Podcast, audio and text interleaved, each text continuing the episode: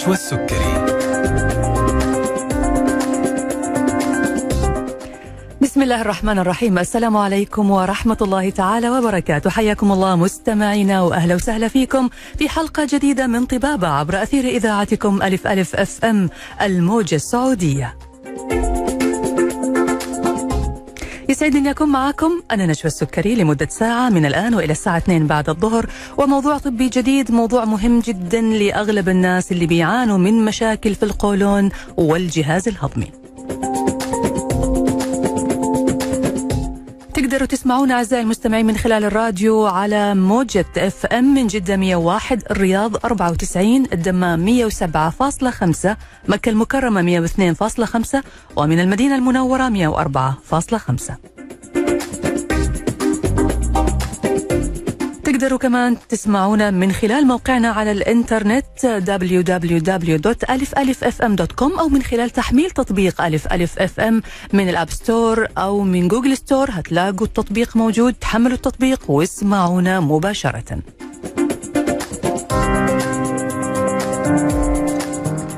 أما تواصلكم معنا مستمعينا الكرام فممكن يكون من خلال جميع حساباتنا على ال social media فيسبوك تويتر إنستغرام واليوتيوب أو من خلال التواصل المباشر على هاتف البرنامج 012 61 61 100 أو إرسال رسائلكم على الواتس 055 66 89 01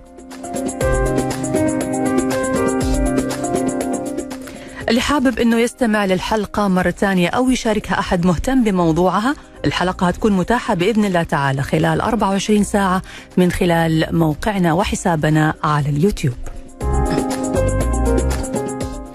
حلقة اليوم أعزائي المستمعين حلقة مهمة لكثير من الناس اللي بيعانوا من مشاكل في الجهاز الهضمي والقولون هل تعرفت من قبل على مصطلح السيلياك أو السيلياك الصامت؟ إيش هو السيلياك؟ هل هو مرض؟ هل هو عرض؟ هل هو متلازمة؟ إيش هي أعراض السيلياك؟ ما هي علاقته بمادة الجلوتين الموجودة بالقمح؟ وما تأثيره على القولون والجهاز الهضمي؟ هل أنت عزيزي المستمع لا قدر الله مصاب به دون أن تشعر؟ كيف يتم تشخيصه؟ هل يمكن الشفاء منه؟ هذه الأسئلة وغيرها سنطرحها اليوم على ضيوفنا في برنامج طبابة اللي هيكونوا معنا بعد لحظات من الآن.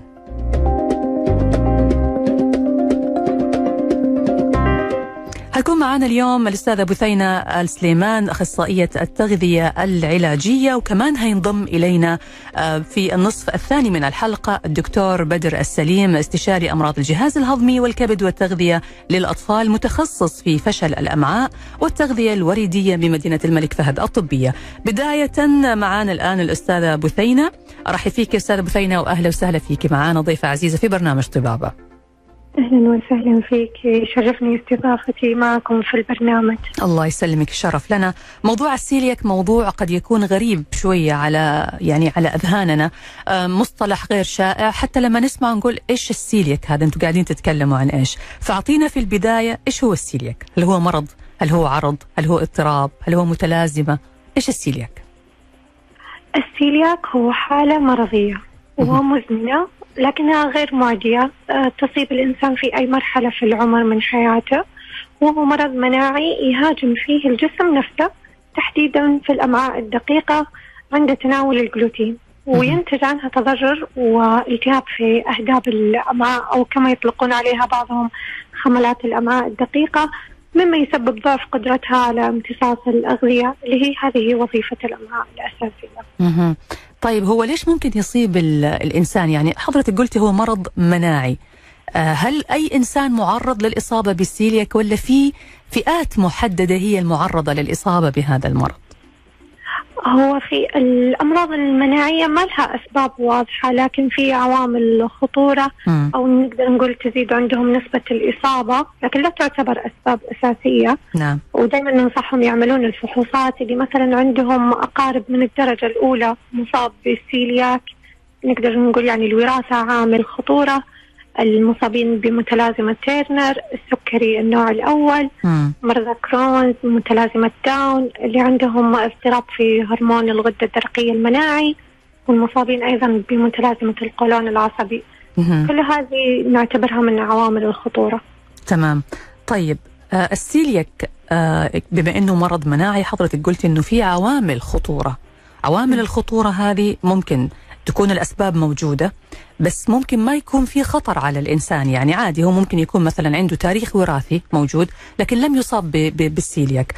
النقطة الثانية إنه إحنا قلنا إنه الحساسية من الجلوتين. طيب إيش الأعراض؟ أعراض السيلياك الشخص اللي بيكون عنده هذا المرض وإيش الفرق بينها وبين حساسية الجلوتين العادية؟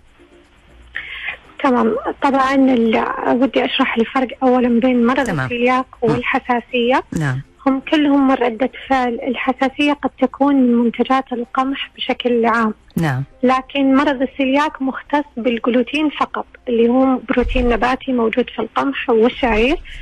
فقط المرض السيلياك بمادة الجلوتين. تمام. وتظهر لهم كل الأعراض متشابهة جدا. الفرق الأساسي أنه السيلياك هو مناعي معناها إنه في هجوم على الأمعاء الدقيقة وفي تأثير على الامتصاص والنمو والى آخره. لكن الحساسية مجرد ردة فعل تحسسية تظهر لهم الأعراض لكن ما في أي ضرر على الأمعاء وبالتالي ما عندهم أي مضاعفات بعدين. غير مضاعفات الحساسية. تمام تمام. طيب إيش الأعراض اللي ممكن يشعر فيها المصاب بالسيلياك؟ وهل في درجات من الإصابة؟ يعني حسب ما فهمت إنه في حاجة اسمها السيلياك الصامت. بمعنى إنه ممكن يكون الشخص مصاب بهذا المرض بس ما تظهر عليه أعراض واضحة. صحيح. آه هذا أيضا السيلياك والسيلياك الصامت. السيلياك متعودين إنه يظهر على المصاب عدة أعراض. طبعا أعراض المرض فوق ال 200 عرض. وشائع منها اللي هو التعب والإرهاق التهابات وتحسس بالجلد الانتفاخات والغازات نقص الوزن إمساك أو إسهال مزمن قصر القامة إذا أصيبوا في فترة الطفولة وتأخر في البلوغ. هذه كلها أعراض السيلياك لكن السيلياك الصامت ما تظهر عندهم هذه الأعراض ما يكون عندهم انتفاخات أو غازات أو أي شيء من هذه الأعراض الجهاز الهضمي اللي تكون واضحة للشخص أو ظاهرة نعم. لكن مثلا دائما إذا سووا فحوصات يلقون عندهم مثلا آه، فقر دم دائم مستمر عندهم نقص في الحديد دائما مستمر ما يتصحح. بدون ظهور أعراض هنا نشك أنه قد يكون في إصابة بالسيلياك تمام. هنا في الحالة هذه لازم يتم طبعا بعد دراسة الأعراض اللي حضرتك ذكرتيها لازم يتم عمل فحوصات وتحاليل معينة آه علشان نعرف هل الشخص مصاب بالسيليك ولا لا. طبعا أنتم كونكم يعني جمعية وصراحة دوركم جدا مهم في المجتمع عشان التوعية بهذا المرض اللي واضح أنه إحنا ثقافتنا لا تزال آه، محدودة وما عندنا معلومات كافية عنه كأشخاص عاديين أنتم إيش دوركم في في الجمعية يعني من إيش الخدمات اللي بتقدموها؟ طبعا الجمعية إحنا مقرنا في الرياض لكن خدماتنا لجميع مناطق المملكة العربية السعودية عندنا من عيادات استشارية سواء طب جهاز هضمي تغذية تثقيف صحي وتثقيف نفسي أيضا والعيادات جميعها مجانية وممكن تحصل عن بعد عن طريق الهاتف الجلسات الاستشارية. برضو نقدم غير الحملات التوعوية سواء في المدارس في المولات عبر السوشيال ميديا. ومفعلين جميع استفسارات المستفيدين أو استفسارات أي شخص حاب يعرف عن المرض. موجودين إحنا في جميع منصات ال social media. أيضا نقدم برامج توعوية من برامج طهي ونقدم بطاقة سيلياكي اللي هي بطاقة خصومات على المتاجر والمراكز الطبية اللي تخدم المستفيدين مرضى السيلياك. ممتاز. ممتاز. طيب آه نرجع شوية ثاني لموضوع آه مرض السيلياك. يعني أنت ذكرتي عدة أشياء أو عدة خدمات بتقدموها. هذه بتفتح المجال لأسئلة كثيرة. يعني مريض السيلياك زي ما قلنا أنه عنده مشكلة كبيرة جدا مع الجلوتين. والجلوتين موجود في القمح يعني موجود في الخبز اللي هو يعني عنصر رئيسي في في الأكل. آه موجود في المنتجات المختلفة لأنه القمح بيدخل في المخبوزات في البيتزا في الكيك في في أشياء كثيرة. فالسؤال اللي بيطرح نفسه هنا هل يمكن لمريض السيلياك أن يعيش بشكل طبيعي وياخذ مثلا أدوية معينة تساعده على إنه ياكل أي شيء ولا إيش الحل معه؟ كيف يصير التعامل في هذه الحالة؟ طبعا الحل في مرض السلياك والطريقة الوحيدة للسيطرة على الأعراض وتجنب المضاعفات هو اتباع حمية آه، خالية من الجلوتين. ومريض السلياك مع الحمية يقدر يمارس حياته بشكل طبيعي. إذا قطع الجلوتين من نظامه الغذائي الأمعاء ترجع تستشفي ويقدر يعيش حياته بشكل طبيعي لكن فقط الاختلاف في نوعية الغذاء. نعم. هعرف منك أستاذة بثينه تفاصيل أكثر عن الحمية الغذائية اللي ممكن يتبعها مريض السلياك لكن هنطلع الآن فاصل قصير ونرجع بعد نكمل حوارنا. لا زالت معنا الأستاذة بثينه السليمان أخصائية التغذية العلاجية وموضوعنا اليوم عن السيلياك والحياة بلا جلوتين وتأثير هذا المرض على الجهاز الهضمي وعلى حياة المرضى المصابين فيه. لا تقدروا أعزائي المستمعين تتواصلوا معنا من خلال الاتصال على هاتف البرنامج 012 61 61 100 أو رسائلكم على الواتس 055 66 89 01 خليكم معنا فاصل وراجعين.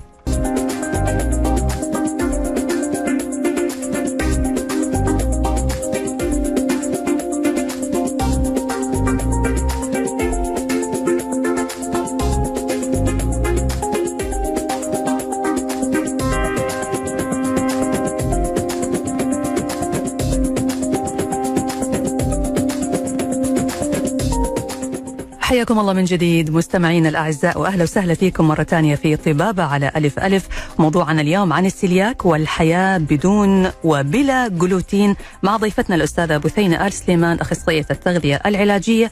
ومع ضيفنا اللي هينضم إلينا بعد دقائق من الآن الدكتور بدر السليم استشاري أمراض الجهاز الهضمي والكبد والتغذية للأطفال. حياك الله أستاذة بثينة مرة ثانية وأهلا وسهلا فيكي. أهلا وسهلا فيك. أهلا.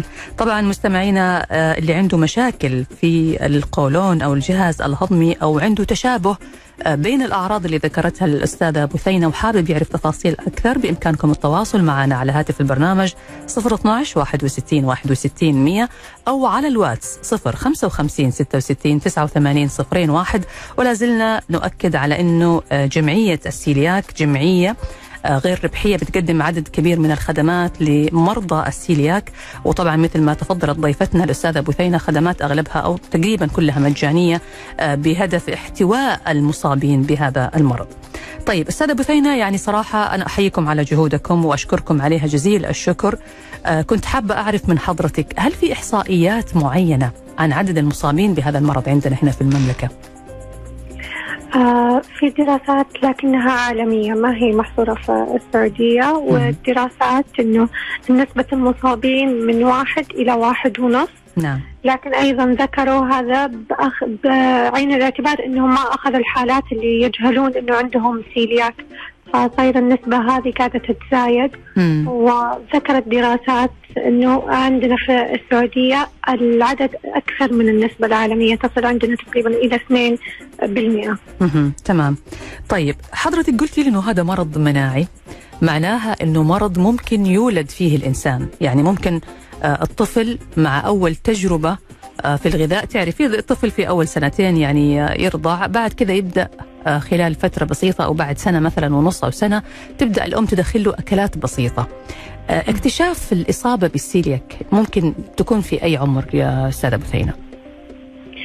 المرض السيلياك ممكن يظهر بأي فترة عمرية. يعني ممكن أنا أكون حاملة للمرض لكن ما يظهر علي المرض إلا مثلا عمري 30 40 أو ممكن حتى بعد 50 سنة مم. ممكن يظهر زي ما ذكرتي في مرحلة الطفولة من أول مرحلة إدخال الطعام أيوة. من عمر الستة أشهر تبدأ الأم تلاحظ على طفلها انتفاخات وإمساك كل ما بدأت تأكله في شيء فيه قمح أو فيها جلوتين تلاحظ عليه التعب الإرهاق الإمساك الاستفراغ لكن أيضا ممكن إنه يكون الشخص سليم مدى حياته وتظهر عليه أعراض المرض والمرض بعد العمر الخمسين للستين سنة. فما في فئة عمرية محددة نقدر نقول أنه يظهر فيها المرض بشكل أكبر. طب هو إيش السبب أستاذة بثينة يعني ليش ممكن يكون الشخص عنده المرض المناعي هذا بس ما يظهر إلا في فترات عمرية متأخرة؟ هل في عوامل معينة بتساعد على ظهور المرض مثلا. يعني هو أكيد كان بيأكل بشكل طبيعي وبيأخذ أكل فيه جلوتين. الجلوتين إحنا قلنا هو العدو الأول في مرض السيلياك. فليش ما بتظهر الأعراض يعني بمجرد ما يتناول شيء فيه جلوتين؟ زي ما ذكرت لك هو الأمراض المناعية ما لها أسباب واضحة وما في. سبب ليش يظهر المرض بهذه الفترة بالذات أو بعض الأشخاص يفكرون تفكير خاطئ إنه مثلا ممكن أكلت جلوتين كثير هذيك الفترة وإلى آخره هو أبدا ما له أي علاقة. نعم. هو انه في جينات ال DQ المرتبطة بمرض السيلياك هي تكون موجودة في جسم الشخص المصاب. نعم. لكن ظهور المرض ما له علاقة في أي فترة عمرية متى يظهر لكن في أشخاص إذا حبوا مثلا زي ما ذكرت لك اللي هم عندهم عامل خطورة مم. سواء عندهم أقارب أو عندهم أمراض مناعية أخرى في أمر في تحاليل جينية ممكن يظهر عندهم هل هو في حاملين جين المرض هل ممكن يظهر لهم المرض أو لا. تمام طيب إيش المضاعفات المحتملة لمرض السيلياك؟ المضاعفات اللي هي قد تنجم بسبب قلة آه، الامتصاص آه، في الفيتامينات والمعادن. آه، مثلا زي فقر الدم هشاشة العظام ضعف في وظائف الكلى آه، تأخر في الإنجاب أو تصل إلى إجهاضات التهابات في الجلد وعدم انتظام هرمون الغدة الدرقية. هذه من أهم المضاعفات اللي تظهر للمصاب بالسيلياك. تمام. طيب هل ممكن استاذه بثينه أن يكون الإنسان مصاب بالسيلياك الصامت؟ يعني زي ما حضرتك قلتي إنه ال- الجهاز الجسم بيهاجم نفسه تحديدا بيهاجم الأمعاء. فهل ممكن يكون هذا الشيء قاعد يحصل وما تظهر على الإنسان أعراض واضحة؟ اي زي ما ذكرنا في السيلياك ال- الصامت ما تكون عنده أعراض واضحة لكن مثلا آه، دائما إذا سوى فحوصات عنده فقر دم عنده مثلا مشاكل بالعظام وما كان يشكي من شيء أو أي ألم مم. فمثلا الطبيب يصرف له مكملات أو أي إلى آخره أيضا في مشاكل أو يبدأ يلاحظ عنده نقص في الوزن قاعد بالتدريج ينقص في الوزن رغم إنه ما في أي تغيير في آه. الحياة أو في مشاكل فممكن هذه العلامات تدل إنه عنده هنا إيه. يجي دور تشخيص المريض الصحيح للإصابة بالمرض لأنه في أعراض بتتشابه مع أمراض ثانية فممكن أنه إذا ما كان التشخيص صحيح ممكن المريض ياخذ العلاجات هذه وفي الآخر ما يستفيد وبرضه نفس الحالة مستمرة معه. ويمكن الدكتور بدر يعني يفيدنا برضه بتفصيل أكثر عن هذه النقطة. طيب هستأذنك أستاذة بثينة معنا اتصال. نقول ألو يا هلا وسهلا. ألو مرحبا يعطيك العافية. الله يعافيك. تفضل أخوي مين معي؟ تفضل أخوي نسمعك. مين معي؟ الله يسلمك. أنا آه، معك محمد من صالحة. حياك آه الله يسلمك. اتفضل أنا عندي بنت أنا عندي بنت في رمضان. ضل بيجيها مغص في بطنها وألام ووجع كده. فالمهم رحت ال- الدكتور وسوينا منظار. المهم المنظار عندنا ثاني مرة. فبقول لي في تقرحات في الكولون. سوينا MRI طلع ال MRI إنه في تقرحات بسيطة كده. وبينزل مع البراز مخاط.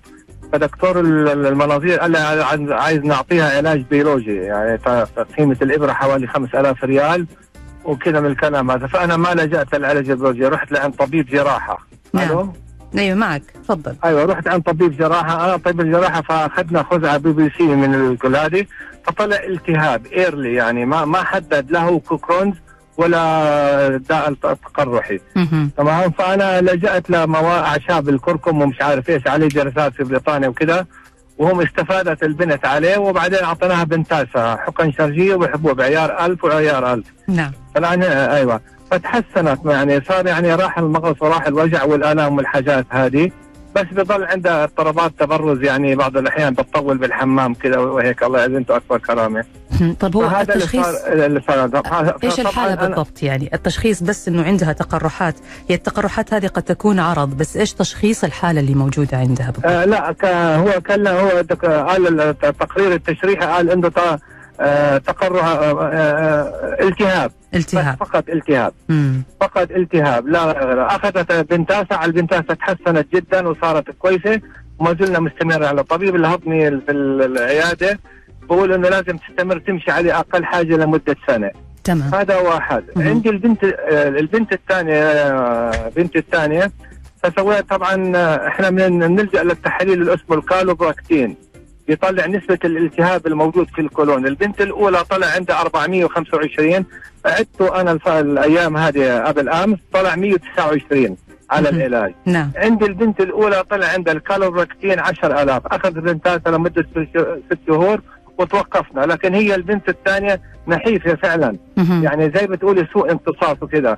فشو رأي الدكتورة بالنسبة للحالتين الأولى والثانية وإيش الحل اللي علي الخطوات إني أتبعها أنا طيب تمام أخوي محمد هنشوف الآن أستاذة بثينة ردها وبرضه هيكون معانا الدكتور بدر آه، ممكن كمان الدكتور بدر يفيدنا برأيه وبتقدر كمان نوصلك في الجمعية تقدر تستفيد مثلا آه، منهم في موضوع الاستشارة الخاصة بحالة البنات عندك الله. يا ريت والله طيب. شكرا. ألف سلامة عليهم وقدامهم العافية إن شاء الله. شكرا. أهلين. شكرا الله يسلمك. أستاذة بثينه آه، ما طبعا ممكن تكون الحالة شوية بعيدة عن تخصص حضرتك بس آه، إذا إذا في مثلا تعليق معين على الموضوع هذا تفضلي. آه، لا هو فعلا أنا أنصحهم أنهم ياخذون الاستشارة الطبية لعله أنه الدكتور بدر يقدر يفيدهم في هذا الموضوع بشكل أكبر مهم. لأنه عنده علم بالأمراض الجهاز الهضمي الأخرى غير السيلياك تمام بس من خلال الأعراض اللي ذكرها أستاذة بثينة هل في تشابه أو هل ممكن يكون آه، في مثلا إصابة بالسيلياك؟ فعلا. هو كل الأعراض اللي ذكرها ولأنه أعراض السيلياك آه، اللي ذكرتها حتى في بداية الحلقة. نعم. جميعها متشابهة بأمراض الجهاز الهضمي عامة سواء مم. من مشاكل ال- الإخراج إلى وجود مغص في البطن. فصحيح وخصوصا أنه ذكر آه، أنه عندها نقص في الوزن ونحف. فممكن يكون أنه في علاقة. تمام تمام. حلقتنا مستمرة معك أستاذة بثينة ومع ضيفنا الدكتور بدر السليم اللي هينضم إلينا إن شاء الله بعد دقائق. هنطلع الآن فاصل قصير ونرجع بعد الفاصل نكمل حوارنا. لازلنا نستقبل اتصالاتكم على الهاتف 012 61 61 100 ورسائلكم على الواتس 055 66 89 01 موضوعنا اليوم عن مرض السيلياك وتأثيره على الجهاز الهضمي والحساسية للجلوتين. خلوكم معنا فاصل وراجعين.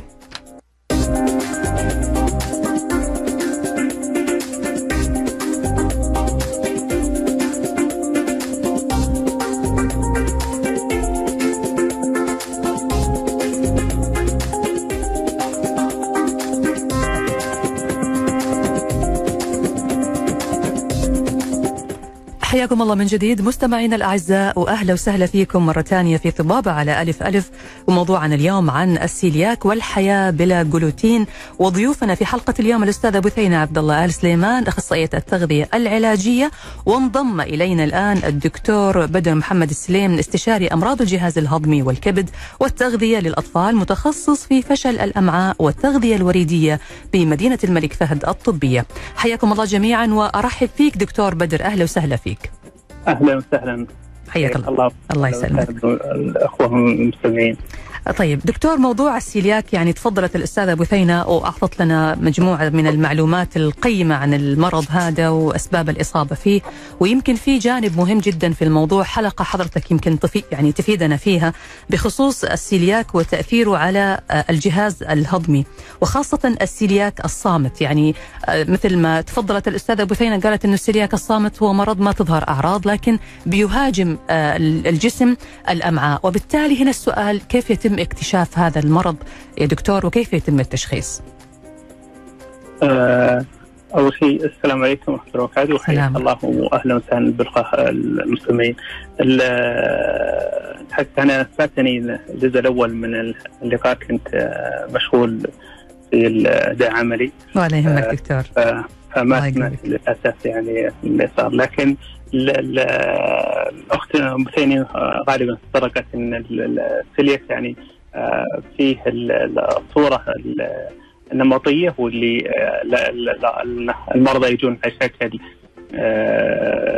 يجون بأعراض غالبا أعراض جهاز هضمي خاصة في الأطفال. بينما في الكبار يجون على اشكال يعني مختلفة قد تكون على شكل أعراض جهاز هضمي انتفاخ آلام في البطن وقد يشخصون فترة آه، طويلة على شكل على انهم يعني آه، عندهم قولون. عصب أي نعم. ها والله دكتور هذه النقطة الأساسية الجوهرية اللي ودي اليوم حضرتك يعني تشرح لها تشرحها لنا إنه ال- كيف يصير في تفرقة؟ أنا أعرف ناس عاشوا سنوات من عمرهم يعانوا من القولون وياخذوا أدوية القولون ومهدئات ومسكنات وفي الآخر اكتشفوا أن عندهم مشكلة ما ما هي قولون هو سيلياك أو حساسية جلوتين آه، صحيح. نعم وعشان كانت هذه فعلا هذه النقطة هذه زي ما تفضلت يعني آه، نقطة مهمة مرة. مم. فالسيلياك يعني يجي آه، بالنمط ال- التقليدي اللي هو يعني يصير مصحوب بأعراض. نعم. وزي ما قلنا يعني في الأطفال غالبا أمراض أعراض الجهاز الهضمي يعني اسهال تقيؤ انتفاخ بالبطن وأغلبهم اسهال فتره طويلة من بعد إلى يعني ضعف في في البنية وسوء تغذية نعم. يعني ينقص الوزن ويصير الطفل يعني وزنه ضعيف مرة. آه في الأطفال الأكبر سنا يعني أطفال المدارس آه أكثر شيء يصابون يصير يعني هزال وضعف آه في البنية وقد يكون يصابون بمجرد بس قصر. إن تلاحظ الأم أو يلاحظ السادة في المدرسة إن الطفل هذا أقل طولا من أقرانه. نعم. إيه، نعم. بينما لا يوجد عنده أي مشاكل يعني أخرى في الجهاز الهضمي ولا شيء فهذا ممكن يعني يعمل له تحاليل حقات السيليا في الكبار زي ما تفضلت يعني المشكلة جزء منهم يجون على شكل قولون عصبي يجلسون أحيانا سنوات وهم تشخيص حقهم إنه قولون عصبي لكن بعد فترة يكتشفون إنهم لا عندهم إصابين بالسيليا وجزء قليل مرة قد يصابون بالنمط بال بال بالأعراض النمطية يصير يعني فجأة بدأ يجي اسهال مزمن هم يتم يعني تشخيصه. في نقاط في نقطة مهمة مرة إن جزء من إن الناس اللي عندهم هم جزء بسيط مرة من الناس اللي عندهم عقم أو للنساء المصابات بالاخبطات في الدورة قد يكون هذه المشاكل بسبب سيلياك فرغم انه نسبه قليلة إلا إن المشكلة يعني كحكم يعني مشكلة يعني كبيرة الحقيقة يعني و لأي شخص يعني مصاب بالمشكلة هذه. فانا أنصح إن الناس اللي عندهم المشاكل هذه إنهم يعني ممكن يسوون تحليل سريع. آه احتمال قليل إن يطلع عندهم موجود سليف لكنه يعني التحليل حقه بسيط. وقد يحل يعني مشكلة يعني كبيرة وأسأل لهم يعني ذرية صالحة إن شاء الله. إن شاء الله يعني التحليل يا دكتور هذا هو السبيل الوحيد للتشخيص اللي هو التحليل الجيني أو يشوفوا إذا في أجسام مضادة للجلوتين ولا إيش؟ أيوه تحليل بس الدم نعم. يشوفون الأجسام المضادة للسيليك هي موجودة عندهم ولا لا؟ تمام آه. تمام وهذه توضح إذا هو فعلا مصاب بالسيليك أو لا. نعم. نعم. ففيه نسبة قليلة مرة لكن قد يكون الشخص هذا اللي عنده مشكلة العقم أو مشكلة عدم انتظام الدورة قد يكون واحد منهم. فالتحليل يعني ما يقارن بالتحاليل الأخرى عادة اللي تعمل للناس اللي عندهم مشاكل عقم أو مشاكل الدورة أو شيء. تمام. طيب هذا المرض يا دكتور هو مرض مناعي مثل ما عرفنا. هل يمكن نعم. العلاج من هذا المرض ولا لابد من التعايش معه والتأقلم معه؟ أيوه.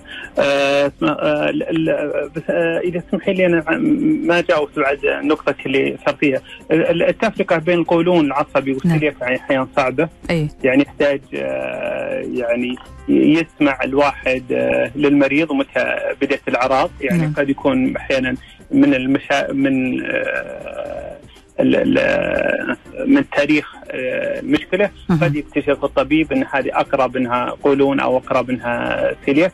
إذا كان عندهم في العائلة أحد مصاب يعني في السيليك هذه يرجح يعني إنها قد تكون المشكلة عنده يعني سيليك.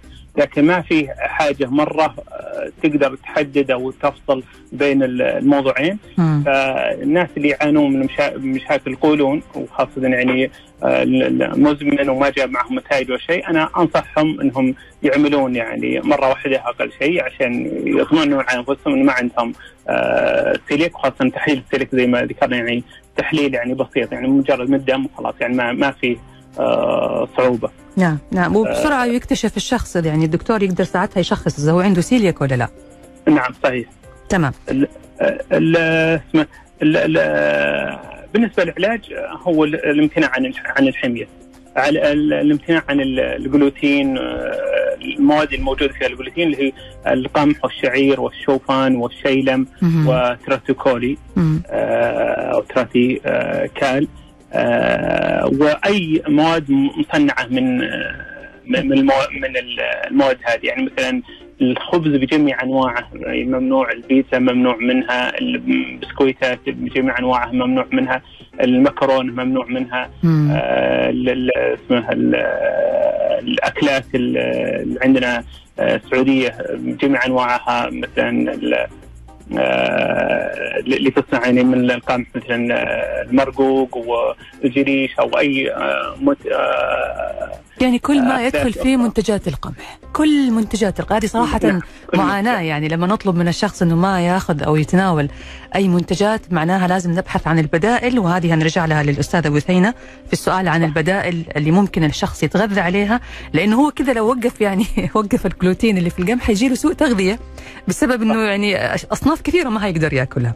طيب. صح أنا دائما أقول يعني العلاج كلمة بسيطة لكن صعب التنفيذ أكيد. وصعب يعني الحياة معه يعني مجرد يقول للدكتور له أو الأخصائية ال- ال- التغذية تقول للمريض خلاص امتنع انت من منتجات الجلوتين هي كلمة بسيطة لكن صراحة يعني عبء صعب جدا جدا خاصة على ال- الأسر. الأهالي اللي نعم. عندهم أطفال. صحيح صحيح. صعب مرة. الطفل لما يخرج من البيت ورايح المدرسة لازم يكون في توجيه وتعريف طبعا للأخصائيين في المدرسة أنه هو عنده هذه المشكلة أنه ما يقدر ياخذ أي شيء أو مثلا يشارك زملائه في أكل معين ممكن يعني يصير عنده مشاكل صحية.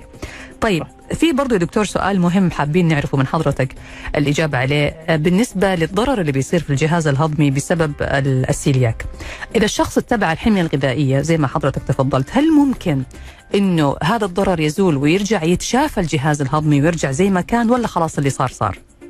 آه لا الحمد لله يعني إذا أمتنع الواحد عن ال- الجلوتين ومنتجات الجلوتين. آه يبدأ الجهاز الهضمي يتشافى و- وتبدأ الشعيرات آه، الامتصاص يعني تنمو آه، من جديد وتعود إلى آه، طبيعتها. لكنها ال- ال- ال- ال- الاستمرار في شكلها الطبيعي مرهون باستمراره في الحمية. يعني بمجرد انه يوقف ال- الحمية ويرجع يأكل مرة ثانية أكلات تحتوي على الجلوتين يبدأ يصير في تحطيم للشعيرات آه، الامتصاص ويرجع مرة ثانية الشخص يعني تبدأ عنده الأعراض من جديد. إيش هي المضاعفات الصحية دكتور المترتبة على إنه يستمر على تناول الجلوتين سواء كان بدون قصد أو بقصد يعني أو بنوع من الإهمال؟ أيوه أهم شيء ال- ال- الأضرار خاصة عند الأطفال إن سوء التغذية مم. يعني إذا ما ما تعالج الطفل معناه بيستمر وزنه قليل وطوله آه، صغير واذا ما تم يعني اكتشاف المرض ومعالجه الطفل حي- حيستمر يعني طول عمره آه، قزم مهم. يعني حتى لو تم اكتشافها بعدين لأن آه، يعني النمو آه، يعني ونمو خاصه العظام يعني مرهون أو لفترة محددة لما تقريبا حوالي سن 18 و- وقد تزيد شوية وتنقص يعني وخلاص بعد يتوقف للعظام. فحتى لو تم اكتشافه وهو فعلا أثر على آه، البنية حقته وعلى العظام حي- حيستمر الطفل آه، هذا حيصير شخص يعني بعدين قزم آه، بسبب إنه تم يعني إهماله ولم يتم يعني اكتشاف ال- المرض والتدخل يعني ال- المبكر. هذه واحدة من المشاكل طبعا بالإضافة إن ال- ال- العظام عنده حتصير يعني ضعيفة ويصاب هشا- بهشاشه ال- ال- العظام. آه، نتيجة إن المرض هذا أصلا هو مرض للجهاز الهضمي وأثر على الشعيرات فالشعيرات مسؤولة عن امتصاص جميع أنواع ال- الاكل ف- فجميع المواد الغذائية حيصير عنده نقص بما فيها الفيتامينات والمعادن والمعادن النادرة. آه، كل الشغلات هذه حتأثر. وبال- وبالنهاية حتأثر على الأعضاء الثانية خاصة مثلا الاطفال واللي كانوا صابوا مبكرين وتعرضوا إلى سوء آه، تغذية وهم آه، صغار. حيأثر على ال- العقل وحيأثر على ال- الأعضاء الأخرى. لكن حيأثر آه، بالضبط يعني على آه، مستوى الذكاء عند آه، الشخص وحيأثر على الأعضاء الأخرى اللي يعني تنمو وتصير زي مثلا النظر والأعضاء الأخرى. أكيد. بالنسبة للكبار نفس الشيء بيصابون بسوء التغذية وبينتج عندهم هشاشة عظام ونقص في المواد الغذائيه والفيتامينات والمعادن عنده في الجسم. هذه يمكن أهم مضاعفات الأضرار اللي تصيب نعم. الشخص. تمام. حلقتنا مستمرة معك دكتور بدر السليم استشاري أمراض الجهاز الهضمي والكبد والتغذية للأطفال ومعنا الأستاذة بثينة السليمان أخصائية التغذية العلاجية. هنطلع فاصل قصير نرجع بعد الفاصل نجاوب على السؤال اللي جانا وعلى الأسئلة الثانية اللي جاتنا على الواتساب. وكمان هنعرف البدائل الغذائية المتاحة لمنتجات القمح والمواد التي تحتوي على الجلوتين. لكن عندنا سؤال هيجاوبنا إن شاء الله عليه الدكتور بدر بعد ما نرجع من الفاصل. لازلنا نستقبل أسئلتكم على واتس البرنامج 055 66 89 صفرين وواحد خلوكم معنا فاصل وراجعين.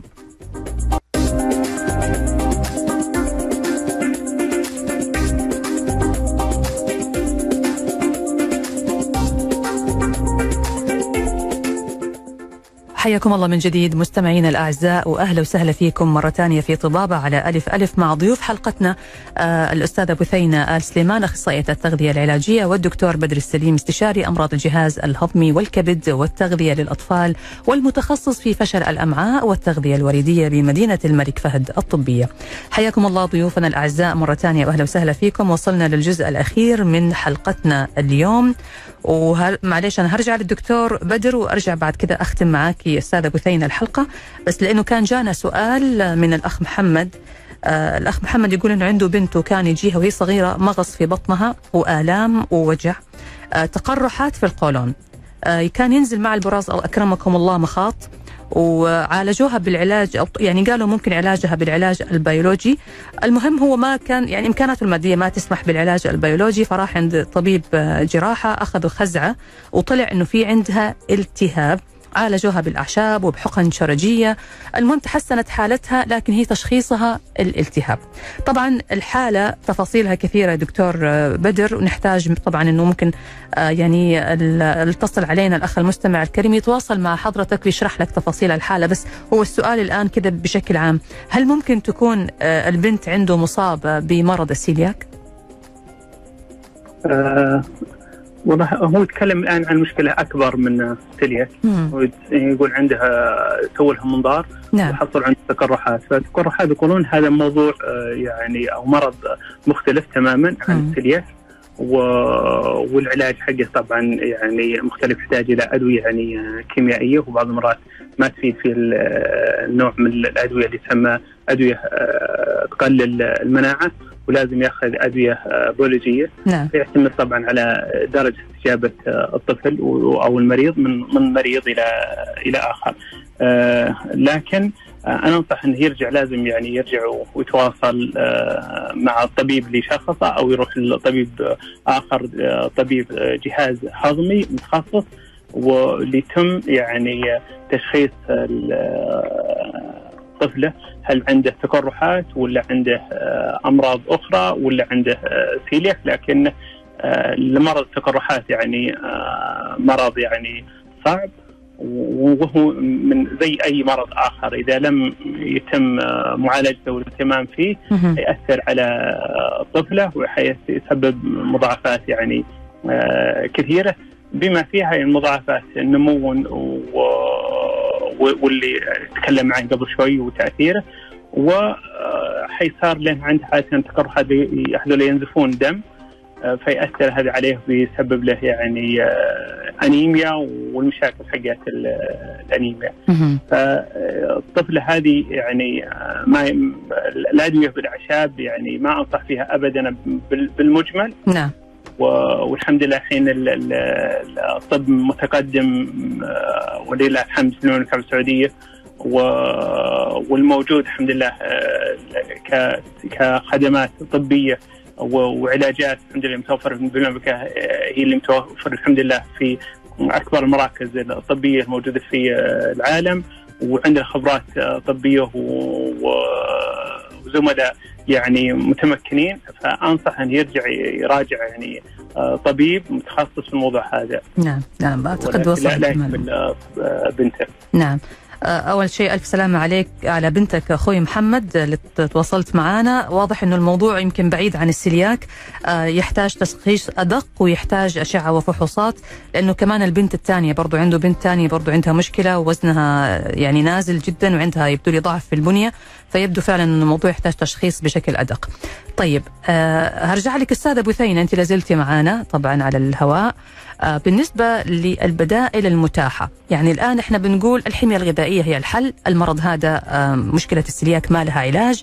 علاجها الوحيد التوقف عن تناول الجلوتين. إيش هي البدائل؟ عشان الإنسان يقدر يعيش حياته ويتأقلم مع هذا المرض بدون المشاكل اللي بتترتب عليه. طبعا تمام زي ما ذكر الدكتور إنه الخبز والاشياء اللي مصنوعة من القمح ومشتقاته تكون ممنوعة لكن كل شيء له بديل. أي معنى الخبز اللي يكون مصنوع من القمح؟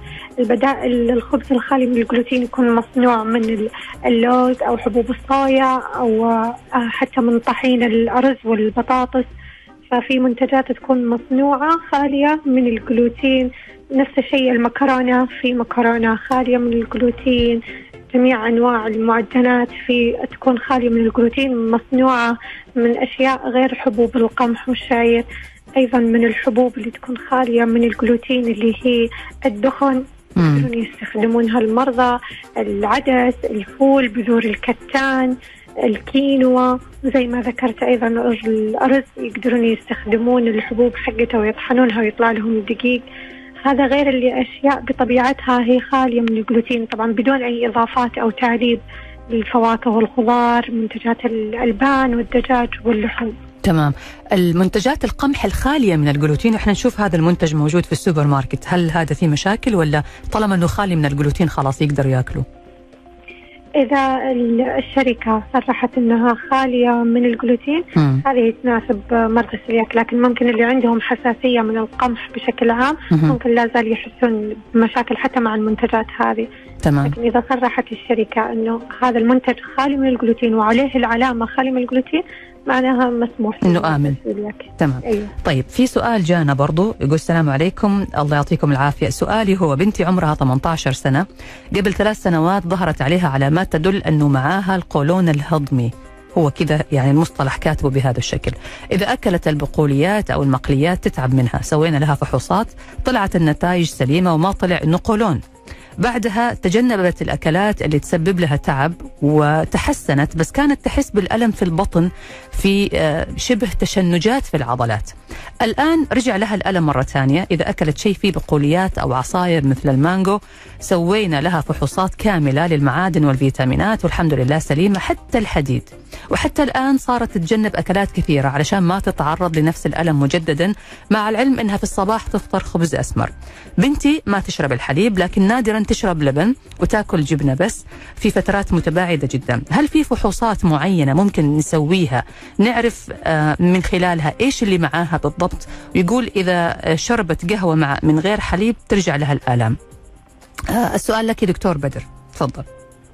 آه، والله بنتي كان يبدو إن كان عندها يعني يا اما انها تحسس أو عدم تحمل مم. لبعض ال- المواد اللي تاخذها. نعم. وقد يكون عندها بعض الالتهابات يعني في المعدة أو ارتجاع معد- معدي يحتاج إلى تفاصيل آه، ال- ال- ال- السيلياك يعني ما يستبعد مرة تماما وإن كان ليس يعني هو آه، أول مرض يفكر واحد فيه في حالة لكن أتوقع أنها قد يكون إنها المنظار لو لو لو يعمل لها آه، منظار للجهاز الهضمي أنا أتوقع حيساعد يعني كثير. تمام تمام آه، الآن هو يقول إنها ما تشرب حليب يعني هذه نفس الشيء لازم يأخذ الواحد تفاصيل. آه، ليش ما تشرب حليب قد يكون عندها عدم تحمل سكر آه، آه، الحليب وهذول الأشخاص يعني آه، عادة يصير عندهم آه، بعض مشاكل الجهاز الهضمي آلام وانتفاخ